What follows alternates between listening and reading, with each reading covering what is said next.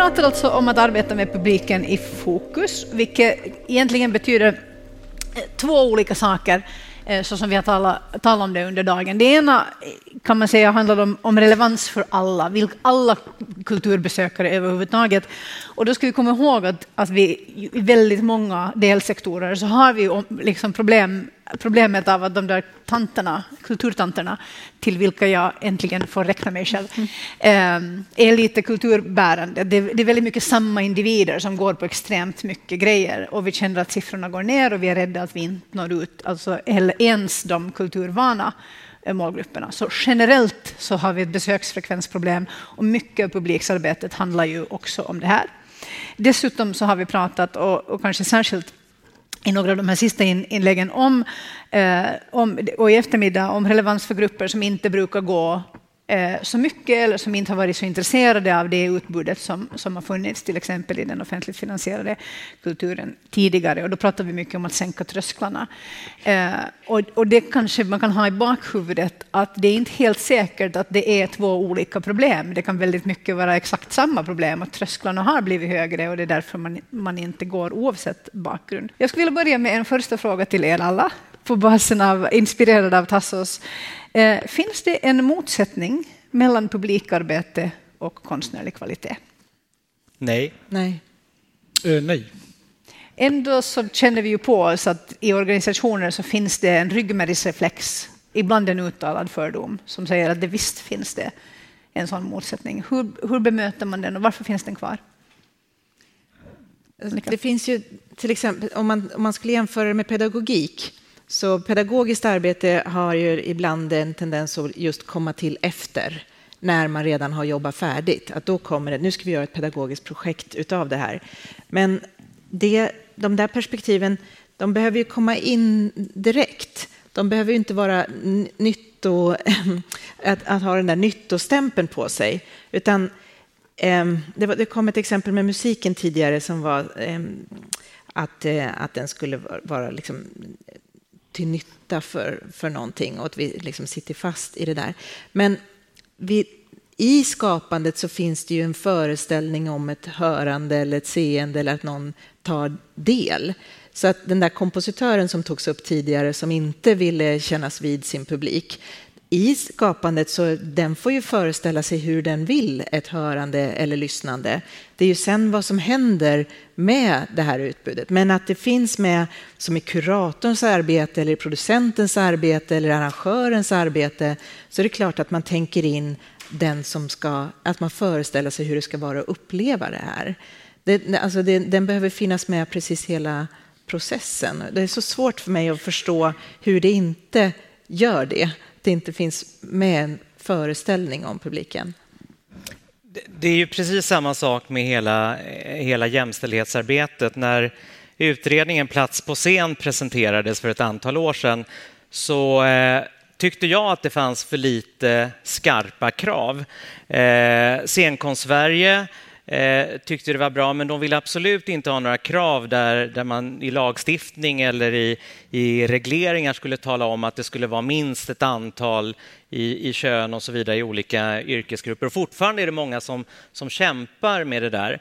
Eh, och så är det ju nu med mångfaldsfrågor och, och, och, eh, och mycket annat.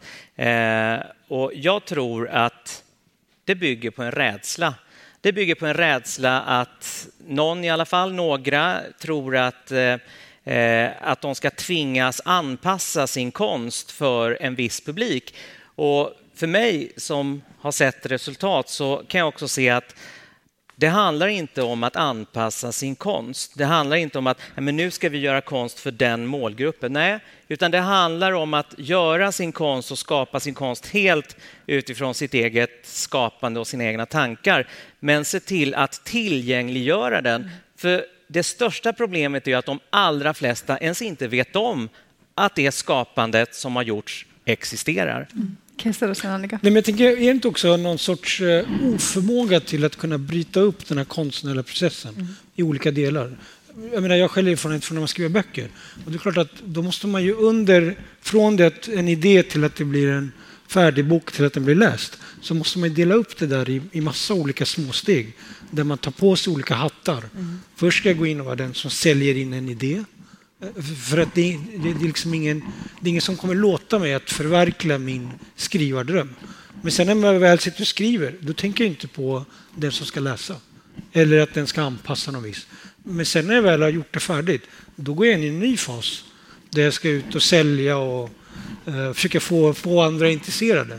Och då slår man in på någonting annat. Och det har jag slagits av mycket av i, i den senaste kulturdebatten.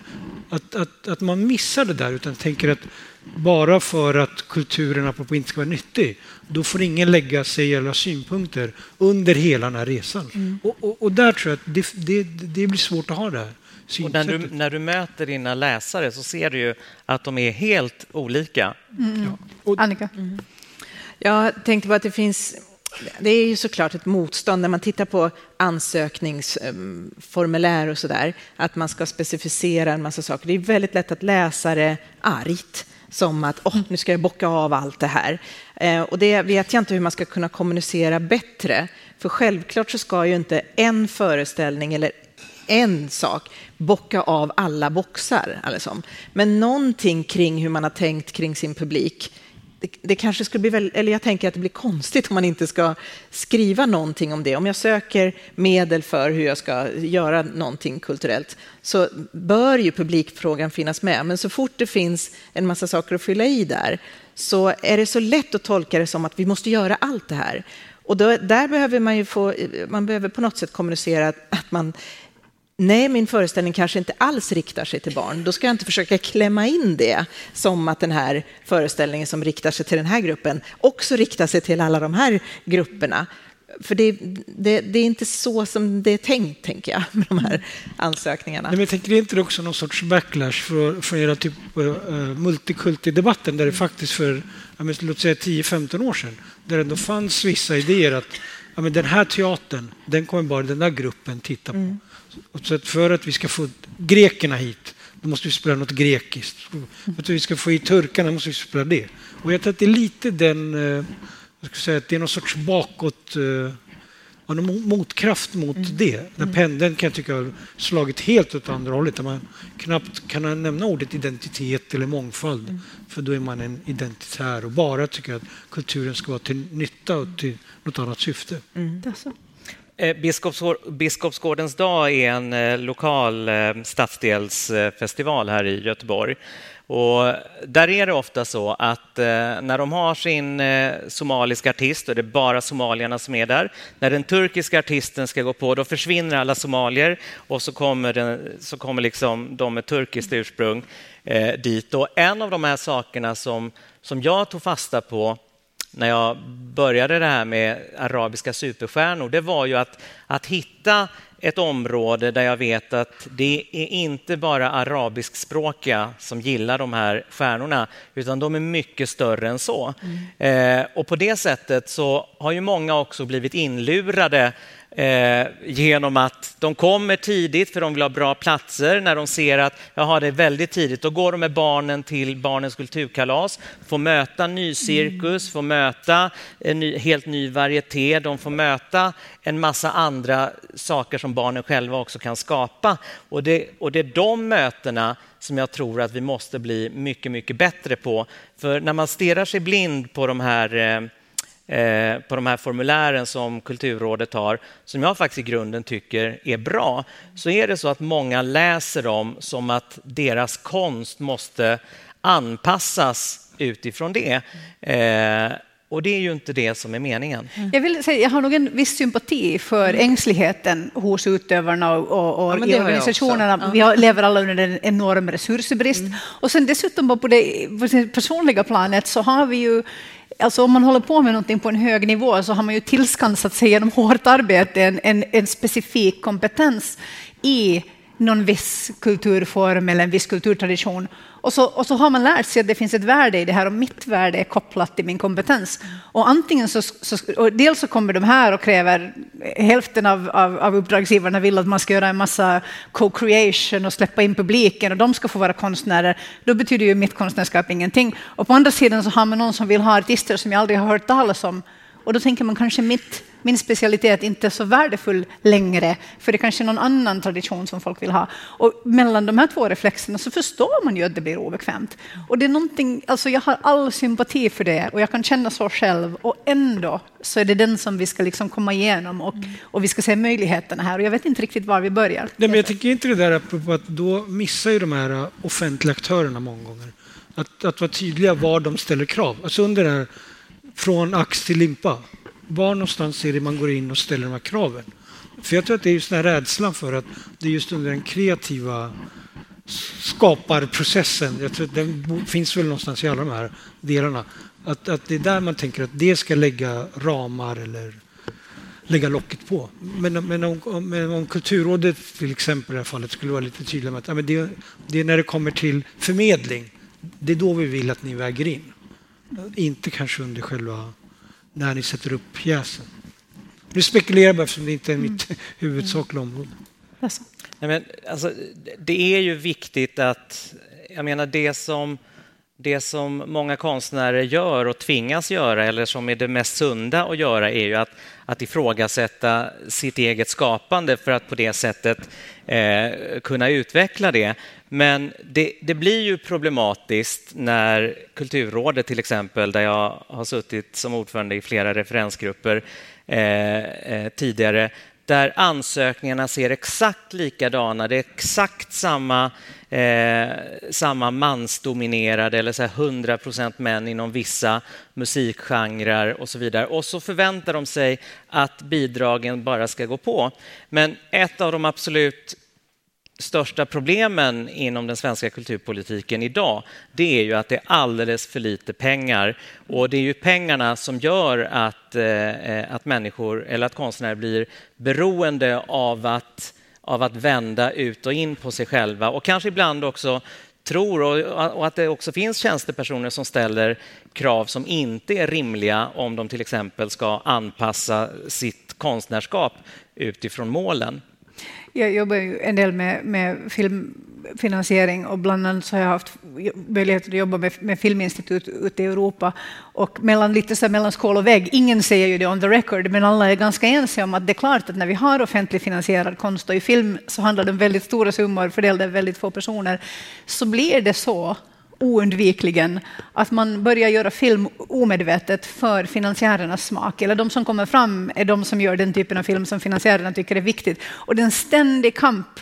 Hur ska, vi hitta, hur ska vi hitta de människorna, och de kommittéerna och de urvalskriterierna som möjliggör en, en, bredd, en konstnärlig bredd? Inte dålig i kvalitet, utan i, i, i innehåll och vidd och erfarenheter. Men men det är en nackdel. Samtidigt så längtar man ju inte till de amerikanska sätten där man istället blir beroende av sponsorerna eller av vad som är liksom publikfriande. Mm. Jag vet inte hur, hur, vi ska närma oss det. Tror ni det finns några publikaspekter på det här med finansieringen? Borde vi ha mera marknadsburen konst? Borde vi ha mera publikkommittéer? Borde vi, hur ska vi få in publikens röst och intressen mer i, i utbudet, i när utbudet konstrueras? Nej, jag, jag mitt var ett konstigt svar, men jag kände att jag, jag är nog fel person att liksom gå den vägen. Jag tror inte jag riktigt har bra svar på de frågorna. Jag tänker publik från ett helt annat håll faktiskt, som inte riktigt har med den där vägen via finansieringen som är väldigt markant och dominant i filmvärlden just, mm. där den liksom skymmer det andra. Men tyckte att det var inspirerande att lyssna på Don idag här, liksom med det engagemanget och drivet för att liksom nå, nå fram. Eh, där goda exempel var det som jag ville säga något om nu. Att jag tycker att det är inspirerande med, med goda exempel för publikarbete. Och sen så tror jag att man kan komma åt det där på andra vägar. Att visa på att så här blev det. Att det materialet, det som du visar nu till exempel, alla de där sakerna är otroligt tunga argument för att man kan behöva formulera om saker. Och liksom, det är ett sätt att förskjuta positioner. Så hon pratar om ambassadörer eh, och jag inser mm. de här pop-up-exemplen, eh, till exempel i din presentation, är också ett slags ambassadörer. Man förlitar sig på någon, en curators eller en mm. festivals eller en plats förtroende. Man förlitar sig på en existerande relation för att skapa en, en väg in i ett verk. Mm. Och det gör ni förstås också hela tiden i ert arbete. Ja, bara för att ta ett exempel. Igår så hade vi avtackning för alla volontärer som jobbar på både eh, Pridefestivalen och på Kulturkalaset. Och där är det alltså ungefär eh, 150 volontärer på Kulturkalaset ihop med kultursommarjobbare och ungefär 200 volontärer för Pridefestivalen. Kulturkalasets volontärer består av eh, ungdomar från alla olika stadsdelar. De pratar över 50 olika språk, olika nationaliteter, olika religiösa bakgrunder. Eh, funktionsvariationer eftersom vi jobbar med volontärer som, eh, som har de egenskaperna. Och West Prides volontärer eh, var mer homogena. Eh, en och annan internationell student som, eh, som pratar engelska. Men alla de här volontärerna har tillsammans genomgått hbtq-utbildningar. Ingen har ställt sig upp och gått därifrån eller tyckt att det här hör inte ihop med min religion, inte varit fördomsfulla. Och de här mötena, de här mötena kan bara skapas om vi vågar testa. De här mötena kan bara skapas och när de då i två timmar i rad går upp på scen en efter en och tackar varandra. Och där menar jag att om vi inom konstvärlden, inom scenkonst och så vidare, eh, om vi vågar vara öppna för att öppna våra dörrar så finns det också möjligheter till att faktiskt också hitta finansiering som inte ställer krav tillbaka på att du ska göra det, det, ena eller det andra. Jag har en budget på ungefär 26 miljoner. Av dem så är det bara 13 som är offentliga medel. Och de finansiärerna som kommer in med resten av pengarna de ställer inga som helst konstnärliga krav, men de ser de här resultaten och vill vara med och bidra till ett bättre Göteborg. Mm. Det är fantastiskt. Mm. Eh, Kessler, du pratade om, om vi kan säga, kompetensens mångfald och att prioritera det över vad vi kanske kan kalla erfarenhetens mångfald, alltså att man lever i olika typer av kroppar eller man har olika, olika klassbakgrund och så vidare. Eh, och, att, och att om man bara fokuserar på erfarenhetens mångfald så, så, så kan man hamna lite snett och att det kanske är en felinvestering i någon, någon mening av den där kostnaden som, som det alltid innebär att hantera, att hantera olikhet. Och då pratar vi förstås om inne i organisationer, om betydelsen av att ha mångfald i organisationer. Jag tyckte det var spännande med det där, det diagrammet, eh, att om man vill ha de verkligt stora innovationerna, och de stora, jag kan tänka mig också konstnärliga framstegen, så ska det ske i, i organisationer som har mångfald, fast det är svårare, att det är ett, att det är ett krav. Men hur översätter vi det här till publiken? Jag, jag tänker på att den erfarenheternas mångfald och en kompetensens mångfald eh, kanske man också kan tänka på det i publiktermer. Alltså att en, vi talar ofta om kvalificerad publik till exempel. Då menar vi att man har någon sorts förkunskaper om en kulturform eller en kulturyttring och det är kanske en kompetensmångfald. Och sen kanske vi pratar om en erfarenhetsmångfald som kan vara mer om att känna igen sig själv i det som, som presenteras. Eh, finns det, ska, hur ska vi väga de här mot varandra? Och hur ska vi förhindra att publiken, om vi lyckas uppnå mångfald i publiken, att alla sen förvandlas till den där till den där samma sörjan i nedbrytningen? Nej, men jag, jag, jag tänkte bara på Tassos exempel apropå de arabiska artisterna. Mm. Jag, jag, tänker om man istället för att se dem som att det där är folk som är från en viss del som tilltar sådär, utan tänka att det där är mer en genre. Alltså det är som om du skulle bjuda in hårdrockare och sen så kommer de från alla olika sammanhang. Eh, och, och, det där, det, jag, jag gillar det där uttrycket att man skulle trilla in i varandra. Mm. Uh, och jag, jag tror att för att lyckas med det, då måste man hitta bortom de här etniska identiteterna. För jag tror att det är det som händer, typ, apropå i, i, i ditt andra exempel, jag tror att från Hammarkullen som du nämnde. Mm. För då blir det Biskopsgården. fokus... Ja, Biskopsgården. Det är då det blir utifrån att ja, men det är för att vi vill åt din essens. Det är det som är grejen. Med, med så jag tror det beror mycket på hur man hur man presenterar det där annorlunda eller det, det olika. Någonting med värdet också kanske i hur, hur de värderas. Eh, Jag tänker så här att eh, det är olyckligt att ställa eh, de här olika grupperna eller egenskaperna eh, mot varandra i de här olika... Eh, vad är det, ska vi ge publiken att de har möjlighet att och känna igen sig och få en identifikation på scenen genom att välja det här? Eller Eller ska vi, ska vi göra det för att få ha kvar eh, 50 plus eh, eh, kvinnorna då, eh, kulturtanterna, eh, som du... Mm. Som jag tillhör. Som du tillhör. och då är det, då är det så här, jag tror att, jag tror att vi måste vara, vara duktiga på att jobba eh, med flera olika bollar i luften på samma gång. Mm. För problemet är om vi enbart riktar in oss på att nej, men nu gör vi det här, då kommer vi automatiskt att missa alla andra. Eh, utan vi måste försöka, eh, försöka nå alla eh, på samma gång. Och det kan vi göra genom att synliggöra vad det är vi gör. Ambassadörer tycker jag är väldigt viktiga. Men hos mig så är ju de här 4 000 barnen som har skapat Mosaik ambassadörer. För de tar ju med sig sina kompisar, sina familjer in i stan och visar, titta vad jag har skapat. Det här gjorde jag tillsammans med en ny kompis från Askim som jag aldrig ens har varit i. Eh, och ambassadörskapet behöver inte vara människor som vi eh, som vi utser och, och eh, anställer och betalar, utan vi ska vara så finurliga så att människor själva ut, ut, eller själva utnämner sig själva till ambassadörer. Mm. Det var ett jättebra sista ord, för vet ni vad, det här var så intressant så jag glömde titta på klockan. Nu får jag vara väldigt snabb och så tar vi applåderna på slutet.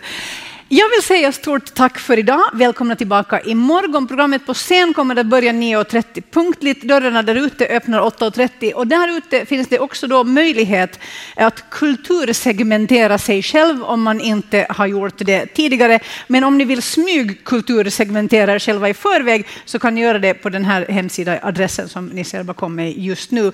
Men teamet kommer alltså att finnas på plats imorgon. Och då kommer vi också att börja med ett föredrag på morgonen av Andrew McIntyre som kommer att prata just om det här. Nu kommer det här nästa att bli mingel i Kristallfoajén. Det, det, vi har öppnat baren eh, och det, det, är öppet också för de som inte deltar i konferensen om ni har någon kompis i stan eh, på festivalen annars. Och så vill jag bara påminna er om föreställningen ikväll. För den som har köpt biljett eller om ni har konferenspaketet så spelar Rokia Traoré här på Stora Teatern klockan 21. Vi ses imorgon, men innan vi går ett jätte, jättestort tack till Kesar, Annika och Tasso.